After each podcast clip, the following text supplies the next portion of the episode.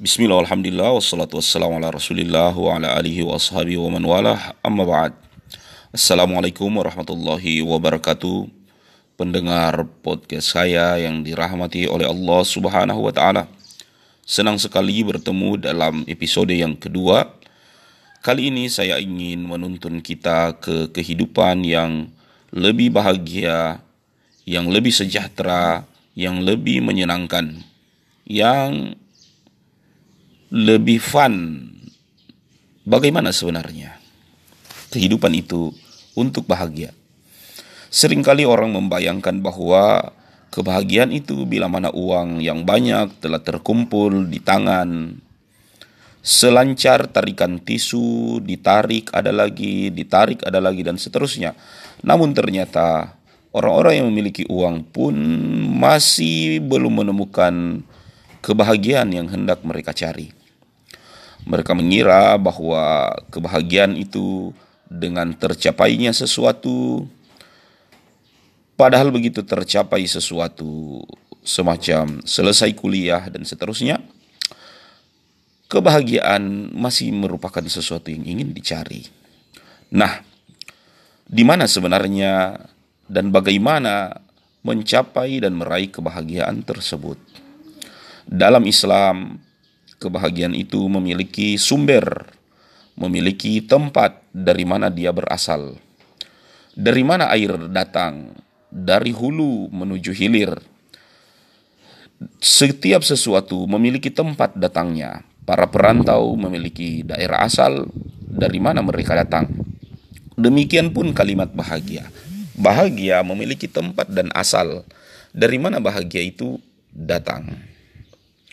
Dalam Islam, kebahagiaan itu adalah milik Tuhan, milik Allah Subhanahu wa taala.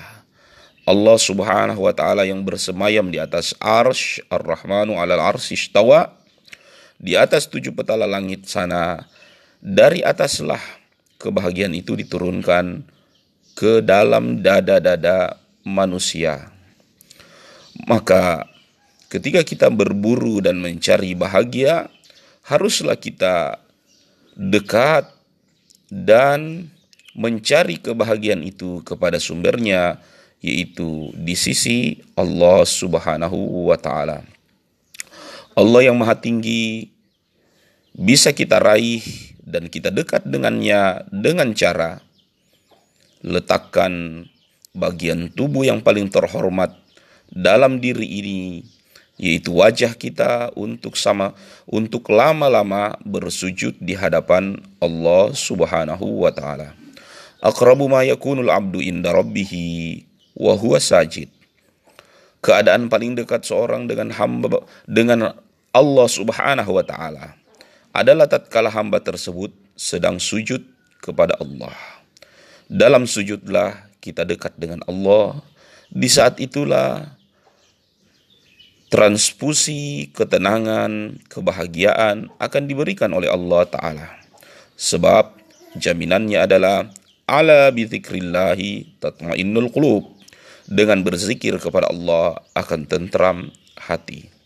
Berikut ada beberapa tips meraih kebahagiaan sekitar tujuh langkah meraih kebahagiaan yang sangat rahasia yang tidak saya ingin bagikan di mana-mana hanya kepada pendengar sekalian.